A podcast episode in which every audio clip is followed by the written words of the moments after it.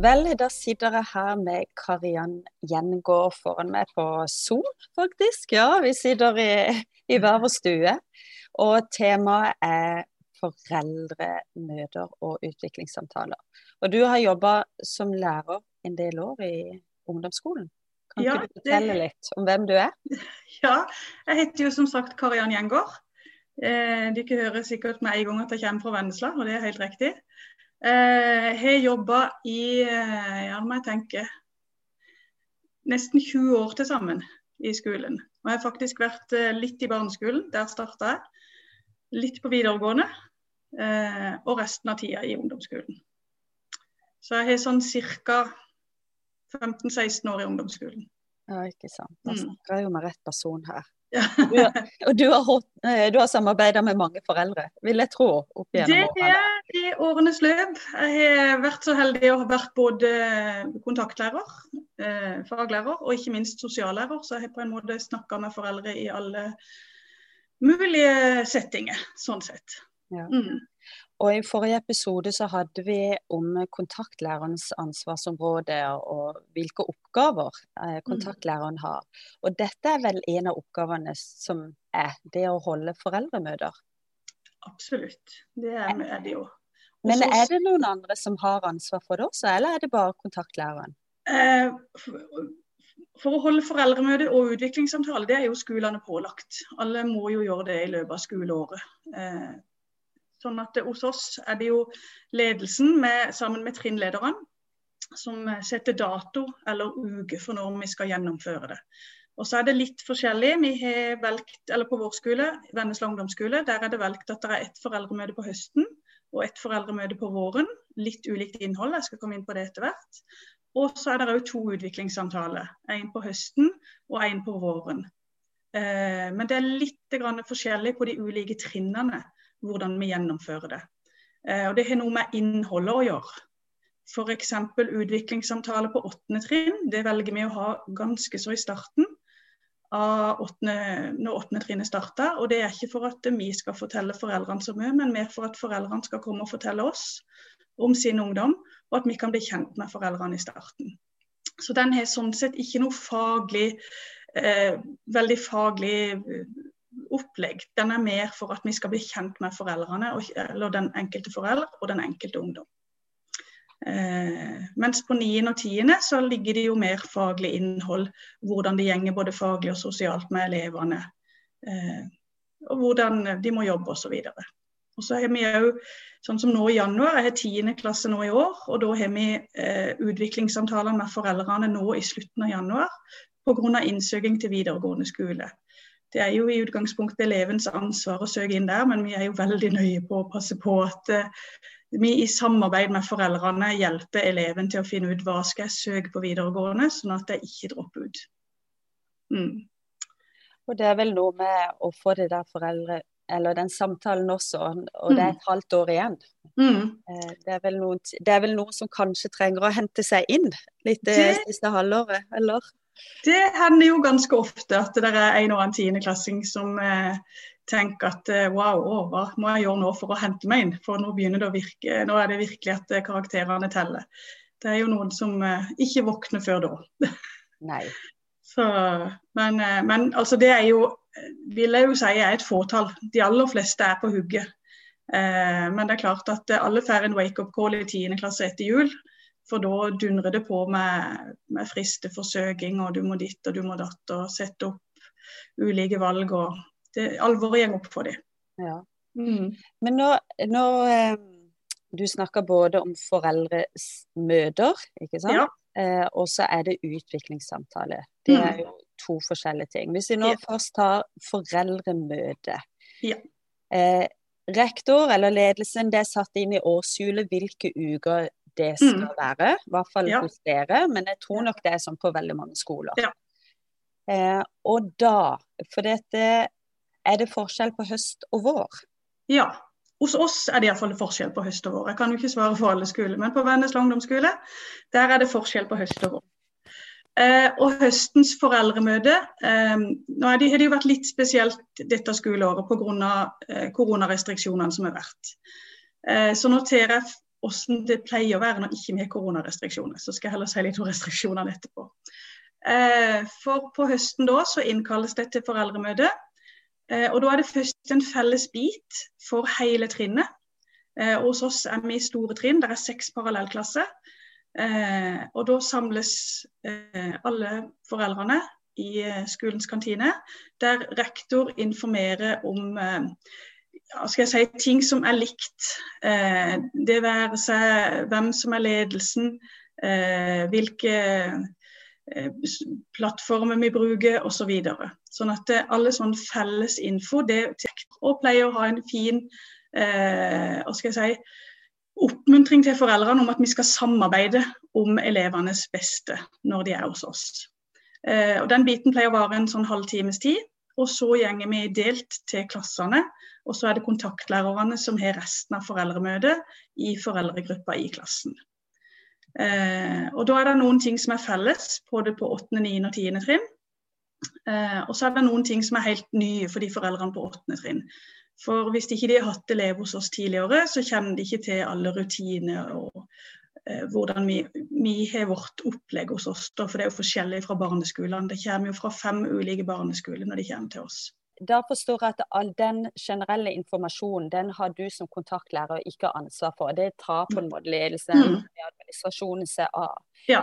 Eh, og så er det også ei økt som du får foreldrene til din klasse inn, kanskje mm. i ditt klasserom? Ja, da er det inne i klasserommet. Og eh, på åttende trinn så er det jo naturlig at Eller uansett om det er åttende, niende, tiende, men vi presenterer oss jo alltid på nytt. Hvis noen skulle ha glemt oss, det kan jo være på, 8. og 9, nei, på 9. og 10., men presentere oss på åttende.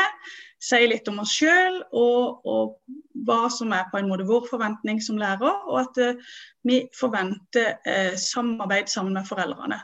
Eh, og at vi ønsker det beste for elevene så ønsker vi jo at foreldrene presenterer seg, sånn at eh, de vet hvem er, for, hvem er de forskjellige foreldre til her i klassen. Eh, ja. Jeg må bare stoppe det litt, for der tenker jeg jo det er ditt første møte med disse foreldrene, i hvert fall hvis det er på åttende trinn. Eller ja. det er det jo uansett hvis du får en ny mm. klasse. Ja. Eh, og jeg ville jo ha vært litt nervøs da tenker jeg, mm. som lærer. Det ene er jo at jeg tenker nå er det viktig at jeg gjør et godt førsteinntrykk. Ja. Så, sånn at jeg får de med til, eller får de med på laget, da, mm. i forhold til elevene. Mm. Um, hva er det her Jeg bare tenker, er det noen ting som er lurt å ikke si, eller ikke gå og tråkke i salaten? Går det an å tråkke i salaten på noe, eller? Eh, ja, det gjør det, det gjør det, helt sikkert. Og jeg er helt sikkert tråkka i salaten òg. ja. Har du noen tips om hvordan kan lese som ny lærer på en måte ja. og, eh, ja, eh, noen... innstille med? Ja, jeg tenker Det første tipset jeg vil gi, er bare vær deg sjøl. Ikke prøv å være noen andre, ikke prøv å sammenligne deg med noen, men vær deg sjøl. Eh, jeg har kommet både som helt fersk lærer inn og skal ha foreldremøte. Og jeg har fått lov å komme som lærer på en ny skole og blitt part opp med en For vi er to kontaktlærere hos oss. Blitt part opp med en kontaktlærer som hadde litt mer fartstid i å holde foreldremøte. Og det er jo klart at når jeg var så heldig å bli part opp med en kontaktlærer som hadde litt mer fartstid, så hadde jo vi snakka godt på forhånd om hvem sier hva, og osv. Og, og det var jo en trygghet. Eh, det å komme som fersklærer og skulle holde foreldremøte, da kjente jeg jo for min egen del at eh, når jeg blir litt nervøs, så snakker jeg veldig fort. Eh, så i forbindelse med å tråkke i salaten, jeg vet ikke om jeg tråkka, men da var det en forelder som rakk opp hånda og sa at du, jeg tror du må snakke litt roligere, ellers er det ingen som får med seg noen ting. Og så ble det en sånn der, Da lo jeg, og så lo de andre, og så ble det egentlig veldig greit. Ja. Og Det handler jo noe om at foreldrene de er av og til like nervøse som oss. Så det å slippe ned skuldrene kan være like greit. Vi har vært kjempespent på hvem læreren var. Hvem er det ja. barnet mitt skal være sammen med hele? Mm. Og som har ansvar liksom, for ja. læringsprosessen og alt. Ja, Men du, når, når, altså herfra liksom Da er det kanskje i klasserommet. Jeg har sett noen ganger at eh, en blir plassert på barnets pult, bare for å mm. se liksom, hvem er det de sitter ved mm. siden av. Er det noe du òg pleier å gjøre? Eh, jeg har ikke gjort det sånn bevisst. Eh, det jeg har gjort som, eh, så, Før korona så eh, har vi sånn at vi håndhilser på elevene. Det gjør vi jo ikke nå. Nå er det mer sånn sprithilsen. Så da gjorde vi akkurat det samme med foreldrene. Og så egentlig de fått lov å sette seg hvor de vil i klasserommet. Og så har det vært en sånn artig ting for meg som lærer å kunne se Oi, du faktisk satt deg på pulten til din sønn eller din datter. Eh, og så har det vært litt sånn Oi, klart er det, ja. Så foreldrene er liksom litt stolte av seg sjøl at de traff riktig pult. Eh, så, men, men, eh, det er ikke sånn at jeg styrer de bevisst. Jeg tenker at Når de kommer til oss fra fem ulike barneskoler Noen foreldre kjenner hverandre fra barneskolen fordi eh, ungdommene har gått i samme klasse der. Noen gjør ikke. Så det at foreldrene skal få lov til å sette seg sammen med noen de kjenner, syns jeg nok er viktigere enn at de skal sitte på plassen til sin sønn eller sin datter. For eh, det er ikke så veldig forskjell på oss voksne og ungdommer eller barn. Vi er trygge når vi er sammen med noen vi kjenner. Ja, det er mm. noe med det. Men det, og så fikk du egentlig sagt noe av det jeg lurer på, for det er jo noe med bare det der fra når de kommer inn i, i rommet, så er mm. vel de også utrygge, som du sier. Mm. Men da har du valgt rett og slett å stå i døråpninga og ta imot det, og mm. hilse på det når det er lov. da. Ja. Vi, vi, må tenke litt sånn unormale normale omstendigheter akkurat ja. i dette tilfellet. Men Eh, og så når de er på plass, så har du den intro, fortell om deg sjøl og få de andre. Mm. Og hva er viktig å informere om når det er sånn for alle foreldrene i klassen, da? Ja, hva er tenker, hensikten der? Ja, jeg tenker En av de tingene som er viktig å si noe om, er hvordan, hvordan er klassen. Og det å på en måte bruke Eh, hvis det skulle være noe i klassen som du må ta opp med foreldrene, bruk, eller det jeg har erfaring med, er å bruke løfteknikken først. Først det som er bra med klassen. Hva ser jeg i klassen? Hva er positivt? Hvordan er elevene mot hverandre? Eh, og, og, hvordan er stemninga? Eh, har vi god stemning? ikke sant? Få fram noen av de tingene som er positivt først, hvis jeg da må ta noe som er tyngre, og jeg det etterpå. Du sier eh, løft, det er ikke sikkert alle vet hva det er. Nei, det handler om at når en går inn og snakker med dem, om det er enkeltelev eller foreldre, dette herrene, å se det positive først. Få fram det som jeg, jeg ser er positivt, og så ta det aller først. Sånn for jeg etablerte en, en plattform med at jeg ser mye bra, før jeg kommer med et men vi må jobbe med. Mm. Og da for jeg jo av og til lurer litt på hvor ærlig er lærerne. Jeg syns alltid mm. å, det er fantastisk klasse, og det er fantastiske elever. Og det alle er jo fantastiske, alle har jo noe tid med seg. Men eh, hvor ærlig er du på hvordan klassen er, eller læringsmiljøet er? Jeg velger å være helt ærlig med det. Eh, og så er jeg nok en lærer som er veldig opptatt av å se det positive hos alle. For uansett hvor mye negativ atferd det er, så vil det alltid være noe positivt òg. Så det ser jeg på som kanskje en av mine viktigste oppgaver som lærer. Det er nemlig å finne det hos hver enkelt elev. Finne det hos klassen som er i gruppe. Hva er det positive? Og så alltid starte med det. Så, så det er nok en sånn grunntanke jeg har som lærer, at det er viktig. For det at hvis jeg skal bare komme med ting som er negative, da, så vil jeg jo, jeg har jo vært forelder selv når jeg er voksne barn, da, men det å på en måte sitte i en foreldregruppe og bare kjenne at å herlig land, her var det bare negativt. Hva er greia her? Her vil jeg ha mitt barn ut ifra. Her ønsker ikke jeg fortsatt at mitt barn skal gå. Og den feelingen vil ikke jeg at foreldre skal ha. Derfor er jeg opptatt av å se hva som er bra, før jeg eventuelt må fortelle at her må det jobbes med noe i klassemiljøet, både på skolen og kanskje på fritida. Og da det er jo også du som har ansvar for å gjøre noe med det. Mm. Mm. Eh, pleier du å presentere nærmest en sånn tiltaksplan, eller hva, hvordan du har tenkt å jobbe med for å forbedre eventuelt eh, ja. samarbeidsklima? Eller, mm.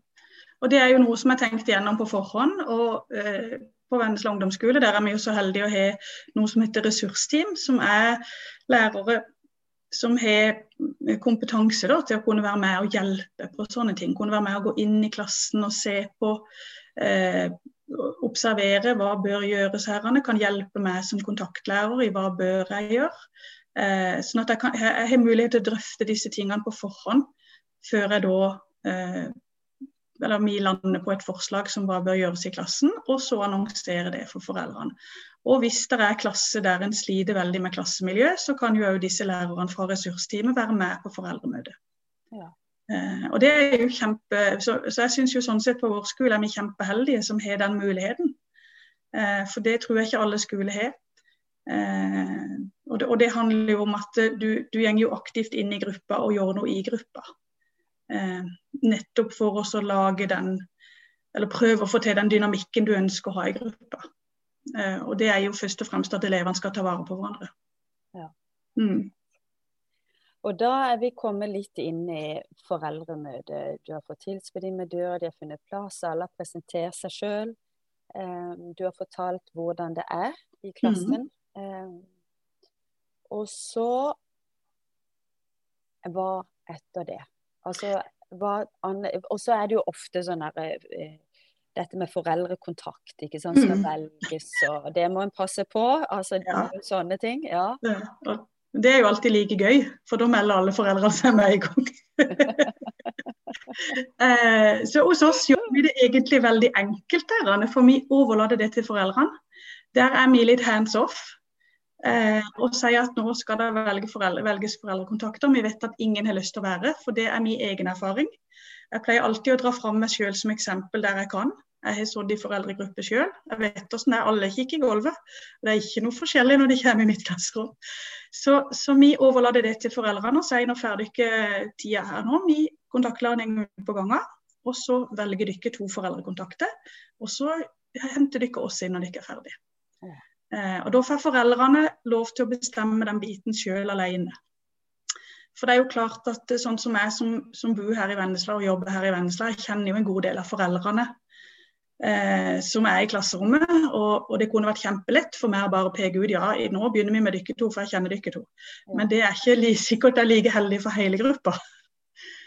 Så, så det, det gjenger stort sett veldig greit. Først er det veldig stillehørende inne i klasserommet. Og så er det alltid en forelder eller to som tar initiativ. Og så gjenger det veldig, veldig fort og greit. Ja.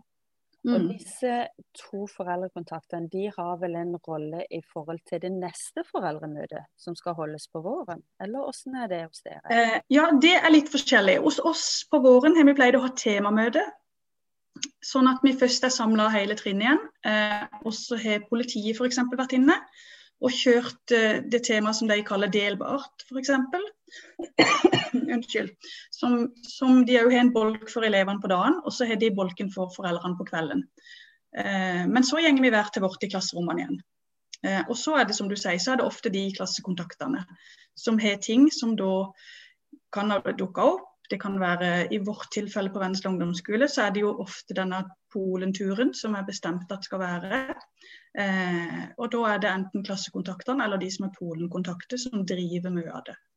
I tillegg så har de jo blitt de siste årene danna noe som heter foreldrenettverk i klassene. Ja.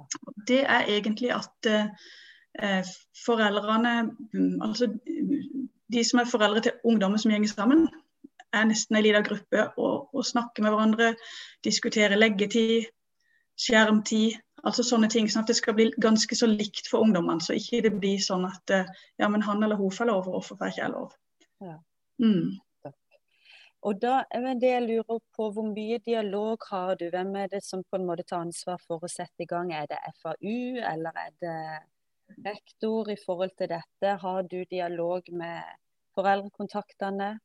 Altså, jeg har dialog, ja. Jeg har dialog med foreldrekontaktene. Ja, jeg har dialog med foreldrekontaktene for å høre eh, hva de tenker. I forhold til den fellesbiten på våren, så er det igjen ledelsen som er inne og sammen med, med trinnlederne. Og trinnlederne har da vært på sine trinn og snakka med de respektive lærerne, sånn at en får litt innspill eh, i forhold til ulike tema som kan være aktuelle å ta opp. Og det er jo ofte vi lærerne som, som skjønner eller vet hva som rører seg i ungdomsmiljøet. Eh, som kan komme med tips og råd til hva som kan være lurt å snakke om felles på disse foreldremøtene. Mm. Eh, og så spør jeg alltid som kontaktlærer så spør jeg de som er klassekontakter, er det noe spesielt dere har på agendaen for foreldremøter. Da kan de si ja, vi ønsker sånn og sånn og snakke sånn og sånn, og da får de tid og rom til det. Ja. Men er det mm. du som leder det, eller er det foreldrekontakt? Eh, jeg pleier å lede med at vi kommer inn først i klasserommet etter fellesbiten inn i klasserommet og, og til det som på en måte jeg skal ta. Som egentlig ikke er så veldig mye enn å snakke videre eller snakke litt om hvordan det er i klassemiljøet. For det er de jo alltid opptatt av. Og så overlate det til klassekontaktene. Mm. det er mm. sikkert ikke så dumt. Jeg har i hvert fall eh, vært med på det noen ganger hvor vi kommer inn etter en sånn Vi har hørt på politiet eller noe. Mm. Inn i klasserommet, så er det ikke noen lærer der. Så sitter vi foreldre der og vet ikke helt uh, ja, hva som mm. skjer, eller hvem er mm. det som tar ordet nå, eller hva er det. Så det høres veldig lurt ut. Det å på en måte bare sette møtet på en måte mm. og gi ordet videre til. Mm. OK, så har, disse to forskjellige, høst og vår, er ganske forskjellige mm. i foreldremøtet. Um, før vi går over på utviklingssamtale, er det noe du tenker er viktig? Å, det må jeg få sagt. I forhold til I forhold til foreldremøte? Ja. ja. Jeg tenker være opptatt av å, å etablere eh, god kontakt med foreldrene, i den forstand at foreldrene prøver å få foreldrene til, til, å tenke at Og det er lett å ta kontakt med hun eller han. Det er lett å ta kontakt med kontaktlæreren til mitt barn. Eh, sånn at ikke du, du altså, vær, ikke skape en avstand. Her er jeg som lærer, og jeg driver på med mitt, og der er du som forelder. Men hjelp foreldrene til å forstå at uh, sammen så gjør vi dette for ungdommen. Eller barnet ditt. I mitt tilfelle er det jo for ungdommen. Og det, det legger jeg veldig med vekt på alltid på det første foreldremøtet, at dette gjør vi sammen. Sammen vil vi det beste for ditt barn. Eh, fordi ungdommene møter på ulike utfordringer opp igjennom. Noen gjenger det helt knirkefritt med. Andre kan ha både oppoverbakke og nedoverbakke. Og da får en, kontakt, nei, får en forelder å vite at eh, jeg kan bare ringe kontaktlæreren. Det går greit. Og jeg pleier å si at eh, det er bare å ta kontakt med meg på kvelden. Hvis jeg ikke tar telefonen akkurat der og da, så ringer jeg opp igjen når jeg har mulighet. Mm. Så det handler ikke noe om at jeg lærer 24-7, eller en er jo litt det òg, da. Men men jeg har sagt at det er OK at du ringer meg, men det er ikke sikkert jeg har mulighet til å ta telefonen akkurat da. Men du har iallfall mulighet til å prøve å nå meg, og så tar jeg kontakt så fort jeg kan. Ja. Mm. Og det er jo et valg som du tar, for det er ikke mm. noe en er pålagt å gjøre. Eh, så der er det kanskje litt forskjellig. Absolutt. For meg handler det om at eh, i første omgang at foreldrene skal vite at det er åpen dør. Eh, og så er det jo noen foreldre som er fryktelig, fryktelig på. Eh, og de kan ringe om den minste ting. Eh, og da er det jo klart, da må jeg jo sette meg ned og snakke med den forelderen. At det er jo ikke alt i verden man trenger å ringe for. Så du må jo på en måte lære foreldrene av og til litt sånn vurdering. Ja, ja rett og slett. Ja. Og da har jeg lyst til å gå over på utviklingssamtale. For dette, da blir mm. det jo enda tettere, og kanskje mm. enda mer skummelt også, som mm. nyutdanna. For da har du eh, invitert. Du har mange minutter. Er det 20 minutter, eller er det Ja, hos oss er det satt til 20 minutter per elev.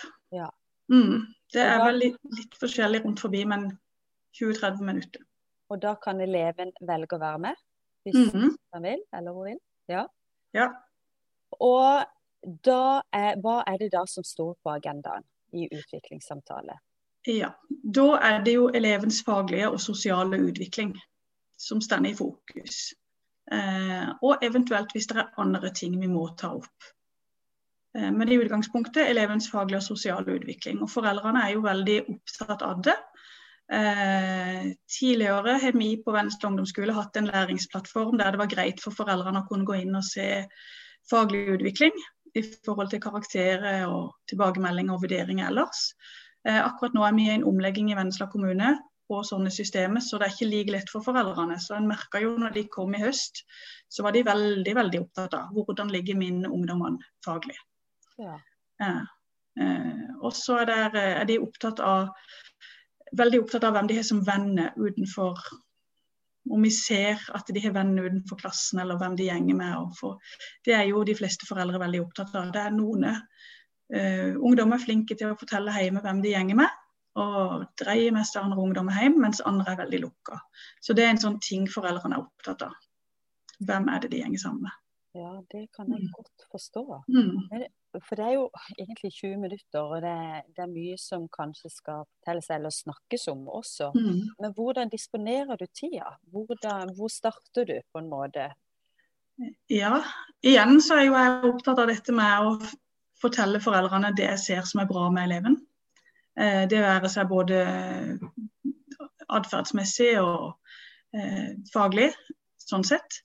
Eh, og så snakker vi etterpå, når jeg har på en måte etablert den plattformen av hva som, som elevene er flinke på, så kan vi heller snakke om videre utvikling. Hva må til?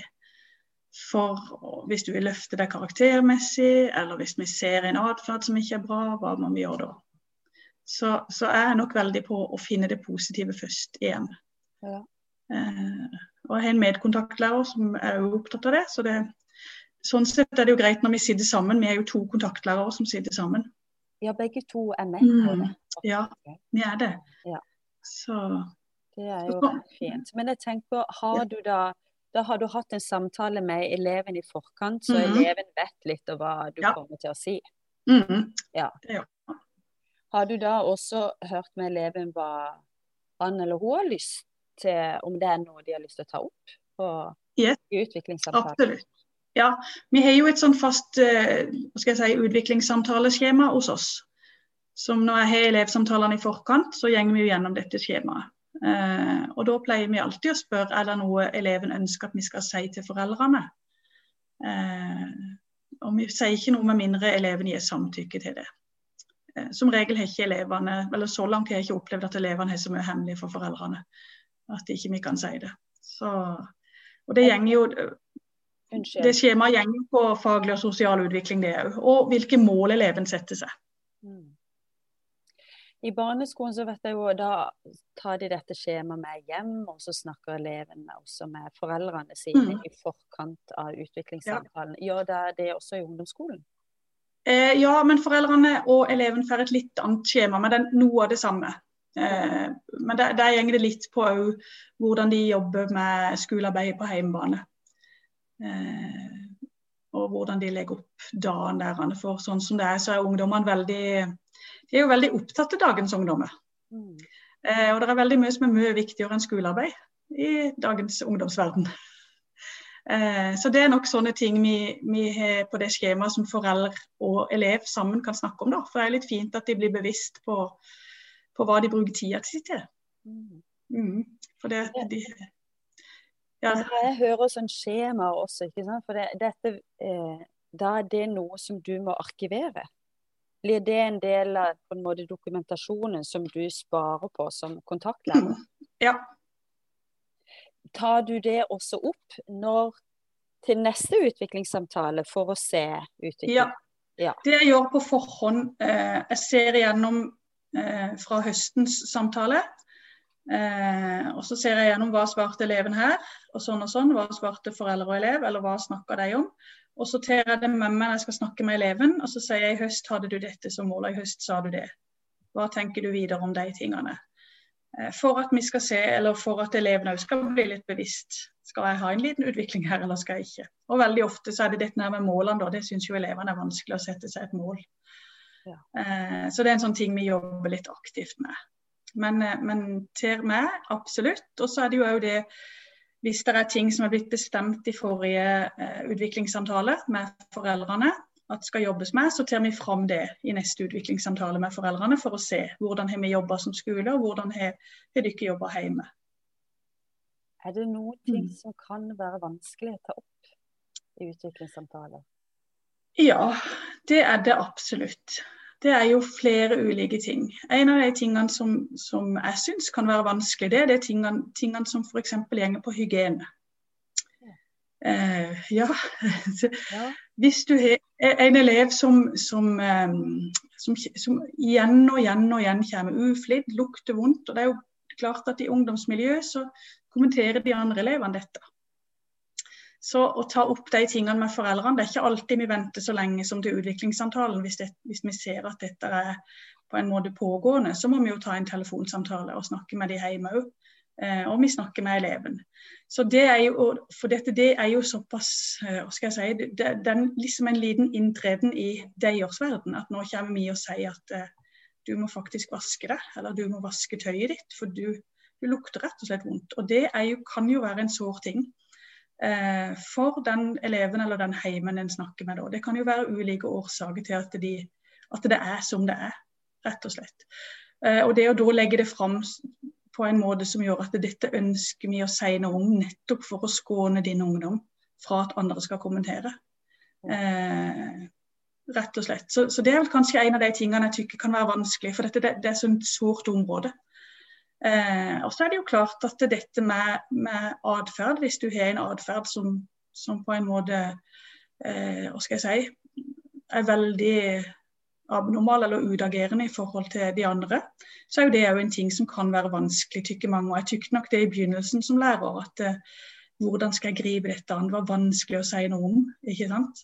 Mm. For en utagerende elev f.eks., eller en elev med store atferdsproblemer, kan nok eh, for mange voksne være vanskelig å, å, å se det positive i det.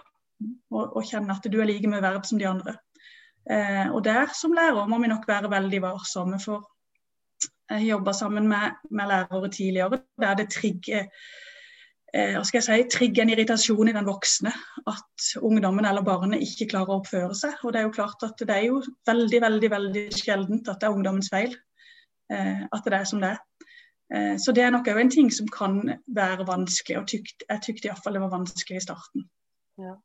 Vi, vi snakker mm. mange ganger om dette når elevene får utageringer eller at de blir aktivert eh, sånn mm. i, i, klassesammenheng. Ja. Men, men, det skjer jo med oss foreldre òg. Vi blir jo aktivert. Mm. For dette de treffer jo mm. noe sånn såre. Det kan jo være på min mm. egen skolegang eller at dette eh, Det har vært vanskelig gjennom hele barneskolen. og det har vært sånn noe som gjengående. Og jeg tenker som foreldre så kan en fort føle seg som en taper fordi at en mm. ikke har vært en flink Eller en kan føle seg som dårlig forelder Ja.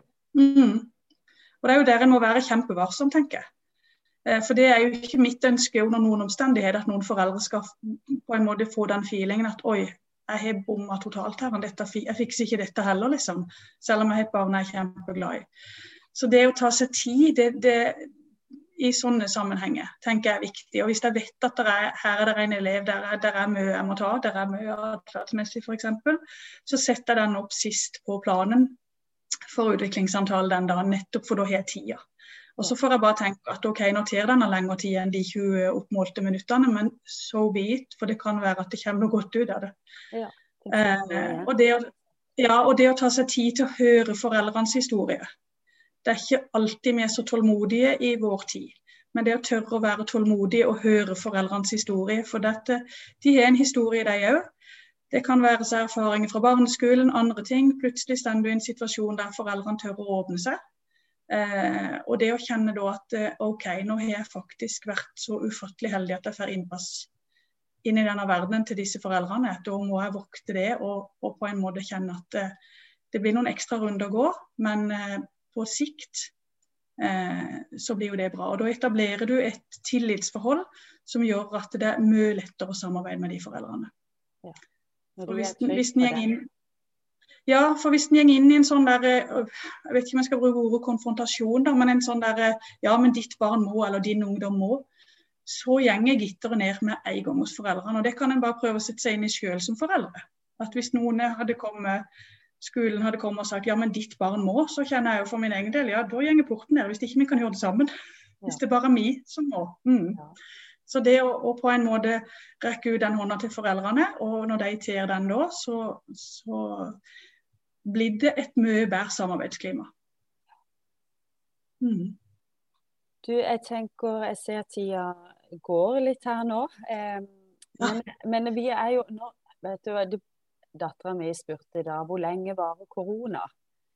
Så sa ja, ikke sant? For når det kommer i mars, denne lockdownen, lockdown, og så tenker jeg det, det går mot et år hvor, hvor mm.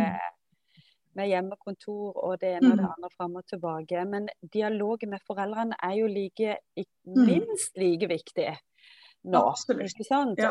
Hvordan løser du dette her, både med foreldremøte og utviklingssamtale? Ja, eh, i vår, når alt var i lockdown, da skulle vi ha eh, foreldremøte. Da ble det avlyst. Da skulle politiet egentlig vært inne. Men vi kjørte konferanse, eh, og da kjørte vi telefonkonferanse. Eh, så da sendte jeg ut melding til foreldrene i forkant med et tidspunkt. At eh, jeg kommer til å ringe dem mellom da og da en gang. For jeg hadde flere foreldre jeg skulle ringe og visste ikke hvor lenge samtalene kom til å vare. Eh, og det, var, det, er vel noen av de fineste foreldresamtalene jeg har hatt, eller utviklingssamtalene jeg har hatt. Det å få lov å ringe de foreldrene i koronatida. Eh, og de hadde mer behov for å fortelle hvor kjip koronasituasjonen var for deg, nesten, enn, å fortelle om sine unge. Men det, det, handler noe om den der De kjente at OK, her er dere på, dere bryr dere. Eh, så det var nok litt den en opplevde i vår. Eh, og det å, å, tørre å ta de telefonene, og ikke bare telefonen når det er kjipe ting, men likså greit å ta en telefon når noe er gått bra. Eh, jeg har opplevd tidligere å hatt elever der det har vært mye å jobbe med atferdsmessig, men det å kunne ringe hjem til foreldrene da og fortelle at vet du noe, i dag var altså din ungdom så flink. Det er sånn og sånn og sånn. Eh, og så kan resten av dagen kanskje ha gått helt i grus. Men det var en positiv ting, og den, det er den du velger å ringe hjem og fortelle om. Eh, og det at foreldrene får den telefonen òg, ikke bare den negative. Ja. For de, de, vet jo om den negative atferden, så den trenger du ikke å forsterke. Så, så, det å, ta en telefon om, om, positive ting. Og jeg tenker sånn som nå òg eh, i koronatida, selv om det har vært gult nivå i hele høst. Det å, å slå på tråden hvis det skulle være noe. Istedenfor alltid å skrive en melding. Det er så lett for oss å bare skrive en melding, liksom.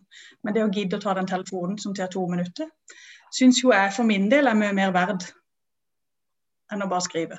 Ja, du får en så, så jeg, ja, jeg velger å ringe, for det er noe med den kontakten. Ja. Mm. Du, her var det mye flotte erfaringer. Eh, takk for at du delte det. Eh, er det noe sånn avslutningsvis som du tenker åh, dette her må jeg få sagt nå? Vi har, vi har vært inn på veldig, veldig mye. Så, men jeg må bare gi det muligheten hvis ja. du ikke har spurt om eller uh, Ja, jeg tenker tørre å omfavne lærerrollen. Tørre å omfavne at du er en viktig person i uh, elevens liv, men like viktig i foreldrens liv. For det at uh, et barn, et ungdom, det er det aller, aller mest verdifulle vi som foreldre har. Så at du som voksen i læringssituasjonen velger å omfavne det og være 100% til stede, det er kjempeviktig. Så om du er helt fersk og skal ut og jobbe som lærer, eller om du har vært ute tidligere, eh, så omfavn det. Vær der på de gode dagene og de litt kjipere dagene. Både med ungdommen og med foreldrene.